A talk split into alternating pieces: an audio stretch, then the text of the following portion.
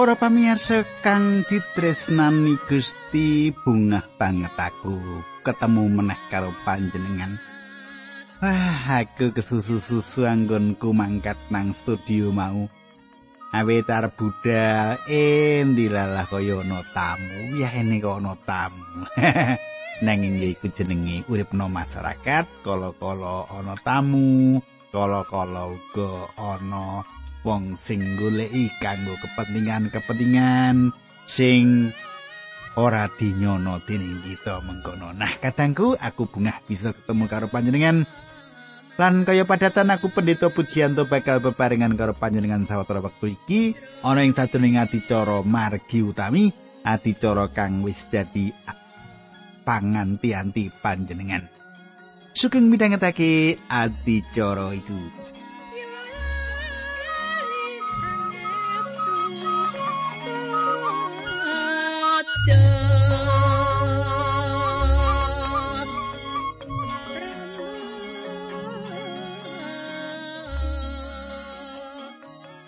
Katanggu, apa panjenengan isi kelingan sing ndaturake naliko patemon kita kepungkur? Kita isi sinau kita perut lan kita saiki ngancik rut bab papat. Kepungkur kita wis nyemak kepiye buas nanggapi penjalu erut supaya buas gelem dadi kerabat penebuse mengkono lan dina iki kita bakal terusake nanging sadurunge kuwi kita ndedonga dhisik. Duh Kanjeng Rama ingkang ada dampar wonten ing kraton ing kasuwargan. Kawula ngaturaken gunging panuwun menawi wekdal menika kawula saged tetunggilan kalian sedherek kawula lan kawula badhe sinau kayektosan pangandikan paduka lumantar lelampahan-lelampahan ingkang kasrat wonten ing kitab Rut. Paduka tuntuni kawula Gusti linambaran asmanipun Gusti Yesus Kristus kawula ndedonga haleluya amin.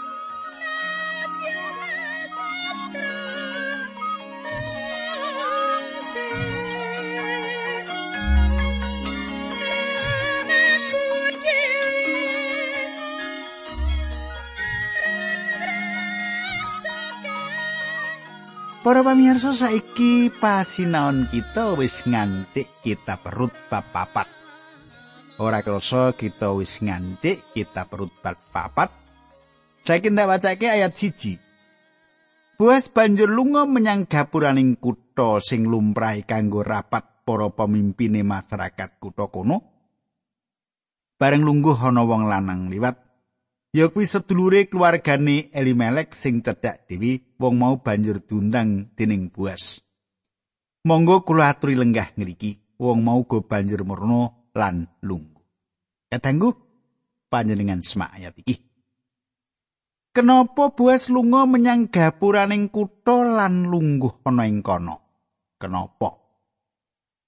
Awit gapuraning kutha kuwi kanggo nindakake pengadilan. Buas lunga menyang gapuraning kutha duwe loro alasan. Papan iku sawijining papan pengadilan kanggo ketemu lan dheweke bakal nggawa kerabat penebus kang liyane iki menyang pengadilan. Alasan kang kaping pindho yaiku dheweke mangerti kerabat penebus kang siji meneh bakal mlebu utawa metu saka gapuraning kutha kuwi enggal utawa mengko-mengko ing dina iku. Dadi dheweke lunga menyang gapuraning kutha, lungguh lan ngenteni tekani. Aku ora ngerti sepiro suwene nggone ngenteni nanging pungkasane wong kang dinteni kuwi mau teka. Wong lanang iki kerabat penebus Rut kang luwih cerak tinimbang Boas. Aku ora ngerti sesambungane. Saiki kang dadi pitakonan kita yaiku apa Boas ora ngerti jenenge nganti Boas ora nyeluk jenenge. Jenenge sedulure kuwi lho. Apa Boas ora ngerti? Coba ayat loro panjenengan cemak. Boas banjur ngajak wong sepuluh para pemimpin kutha supaya melu lungguh bebarengan ing kono sawise padha lungguh. Diteruske mengko. Saiki disemak dhisik ayat iki ya. Sederekku, sedulurku, kadangku, marang kita diceritakake yen wong sepuluh iki para pemimpine kutha. Wong-wong mau kang dianggep minangka pengadilan. Iki gedung pengadilan dan pengadilan kang lagi sidang. Saiki buas ngundang pengadilan iki supaya sidang lan para pemimpin ing kutha kuwi ngrungokake masalah lan buas siap ngandhakake permasalahan. Ayat telu. Buas banjur kondo karo wong sing isih kepernah sedulure mau mengkini. Naomi sampun wangsul saking Moab. Samenika badhe nyadi pasitenipun Elimelek sederek kita. Kadangku panjenengan gatekake senadan kawigaten utamane ana ing Rut, Boas malah ora nyebutake jeneng Rut ing wiwitani. Kanthi ayat iki ateges rak Boas iku uga sedulur lanange Elimelek. Sedulur kita Elimelek bisa ateges sedulur cerak kita. Cetha ana bedane antarane sesambungane wong loro iki karo Elimelek utawa siji keluarga durung temtu luwih cerak tinimbang wong liya. wong iku kutune duwe sesambungan kekeluargaan kang luwih cerak tinimbang buas. Ing pambuka pirumbukane buas kondo ana papan lemah kang kudu dirembuk.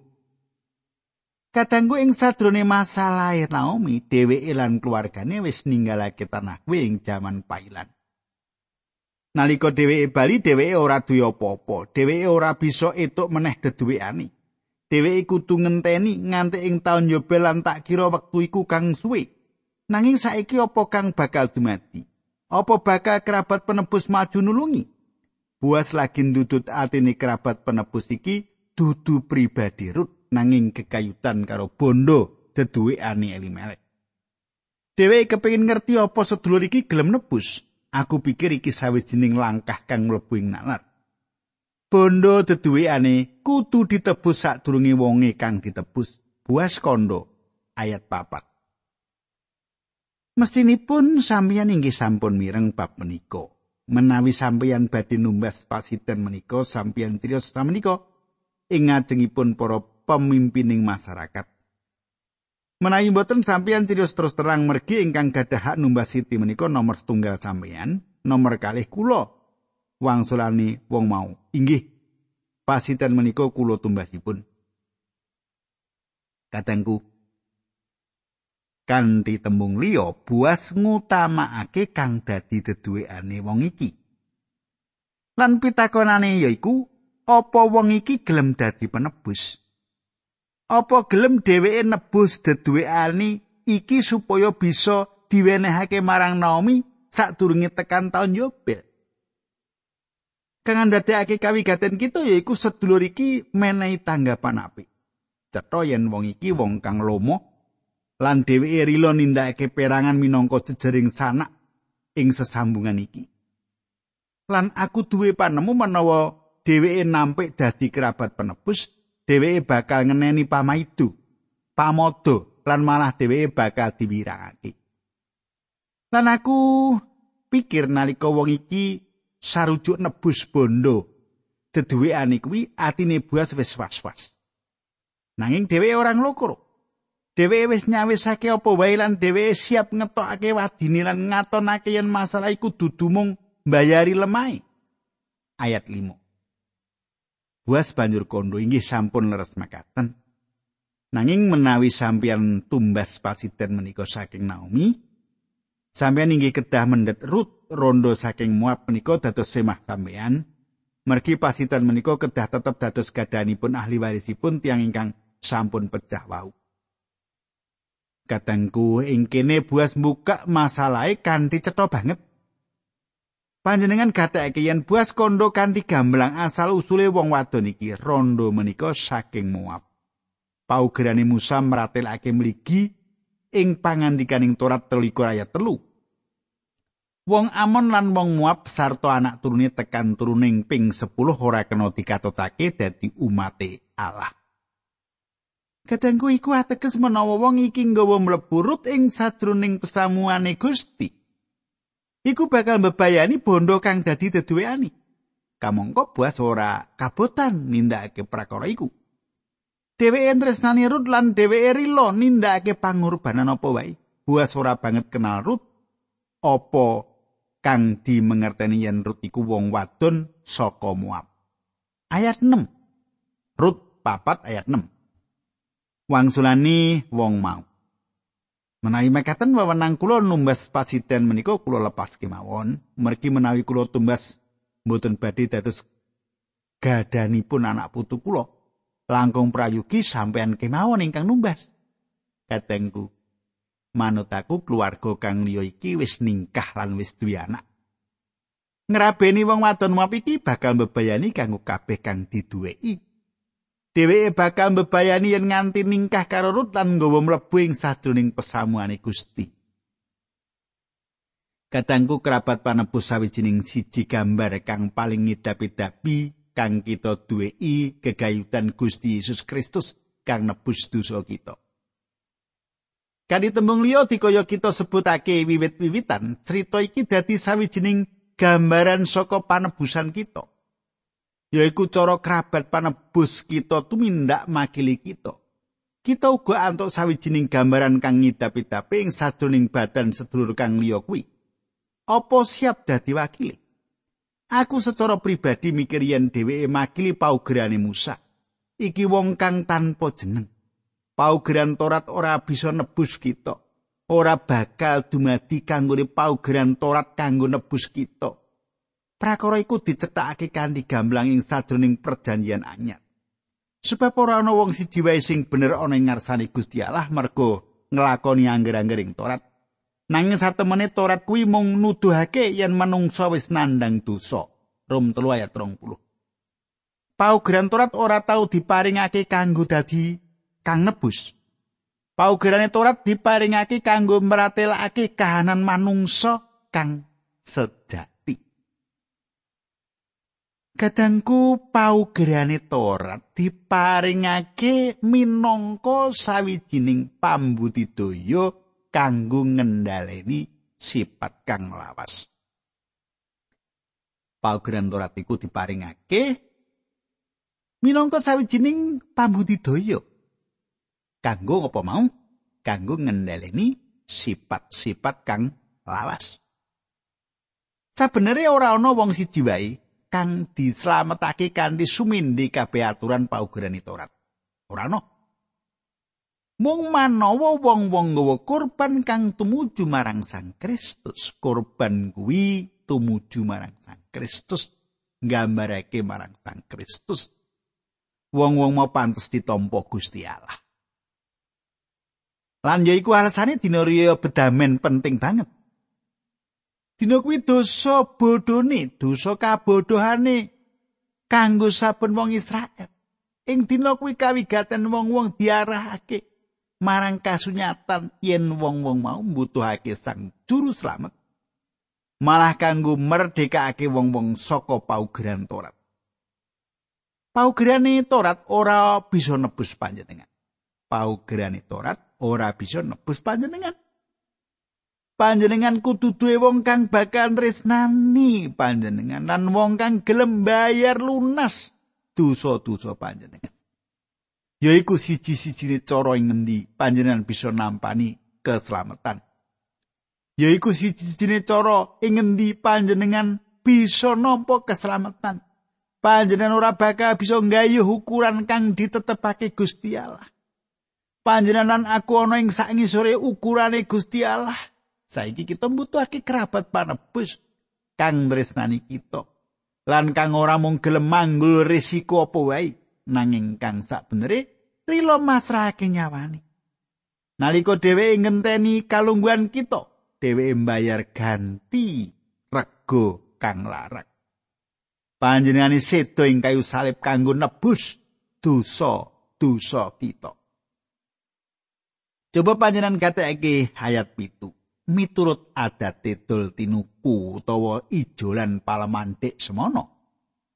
Dianggep sah yen wonge sing ngedol nyopot sandale lan masrahake sandal mau marang sing tuku. Mengkono carane wong Israel ngapsake dol tinuku palemahan. Kadangku panjenengan isih kelingan yen nalika kita sinau paugeran Torat iki ing pangandaring Torat selawik. Dipratilake wong wadon kuwi kudu nyopot sandale wong lanang kuwi lan ngidoni raine. Aku seneng buas ora ngidoni raine sedulure kang liya kuwi nanging dheweke nyopot sandali. Saiki bab 4 ayat 8 songo 10. Mengkini surasani. Mulane bareng wong mau kondo karo Boas, yen makaten sampeyan kemawon ingkang numbas. Dheweke nuli nyopot sandali lan masrahake marang Boas. Boas banjur kondo karo para pemimpin masyarakat sing rapat ana ing kono. Ing dinten menika sampeyan sedaya kula dadosaken seksi bilih kula sampun numbas saking Naomi sedaya pasiten gadanipun Elimelek lan anak-anakipun inggih menika Keleon lan Mahlon. Kejawi saking menika kula inggih mendhet Rut tiyang istri Moab randanipun Mahlon dados semah kula. Srana mangkaten Siti menika badhe tetep dados gadanipun ahli warisipun tiyang ingkang sampun tilar donya. Anak turunipun badhe tetep dados setunggal lan tetep manggening dusunipun keluarga menika para sedherek sedaya kula purih nekseni. Katanggu kang kawitan dheweke nebus bondo kang dadi deduwekane. Sebanjure dheweke uga dadi panebus Herut. Dheweke tindak minangka krabat lan andadake Rut somai. Dheweke nindakake perkara iku awit dheweke nresnani Rut. Awit buas nggambarake Gusti Yesus Kristus, kerabat panebus kita. Mula penting banget kanggo nyemak yen Gusti Yesus satindak dadi wakil kita. Saiki Boas nyeluk wong-wong kanggo nyekseni kasunyatan yen dheweke ora mung nebus bondo deduwekane nanging dhewe uga nebus rut randane maklon. Saiki coba semak ayat 11. Para pemimpin masyarakat lan liya-liyane padha sarujuk tembungi. Inggih kula sami nekseni Mugi-mugi Gusti Allah ndadosno semah sampeyan kados Rahel lan Lea ingkang nglairaken anak kathah kangge Yakub. Mugi-mugi sampeyan kaparingan bondo kathah ing antawisipun tiang-tiang turun Ibrahim lan dadosa tiang ingkang kajen keringan ing kitha Bethlehem. Kadangku cetha yen Rut wong Moab wis nindakake pangorbanan kang ngidapi-dapi kanggo kumandel marang Gusti Allah minangka juru slametik. Sawetara buas nglamar Rut semono Sang Kristus rawuh ing bumi kanggo nglamar penganten wadone. Panjenengane yaiku panjenengane kang ngatonake katresnani kanthi sedo kanggo kita.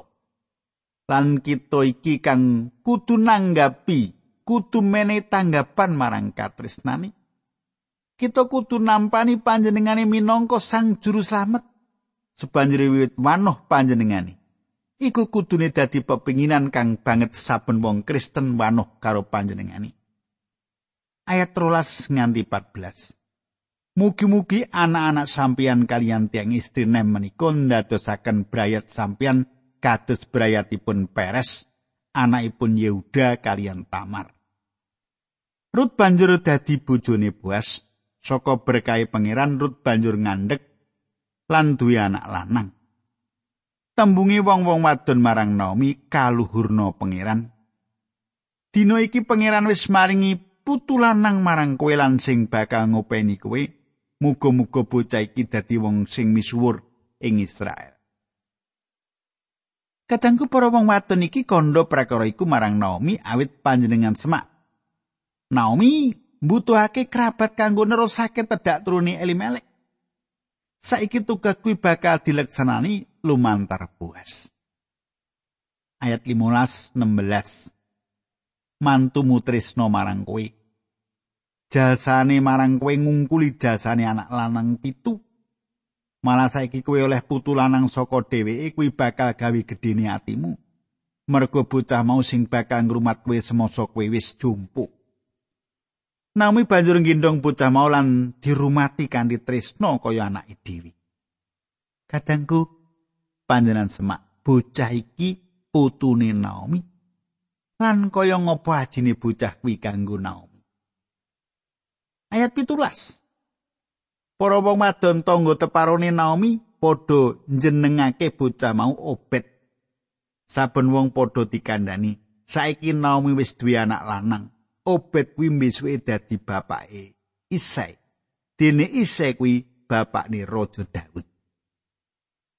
Kadangku para tanggane Naomi ndeleng. Katresnane kang gedhe banget marang bocah kuwi bocah kuwi dijenengake Obed iku ateges pelayan utawa wong kang manembah. Sinadanya bocah iku ora duwe hubungan darah karo Naomi, secara hukum bocah kuwi putune. Bocah kuwi wong kang manembah marang Allah kang agesang lan yektos. Bocah kuwi wong kang manembah saka Gusti Allah kang agesang lan yektos.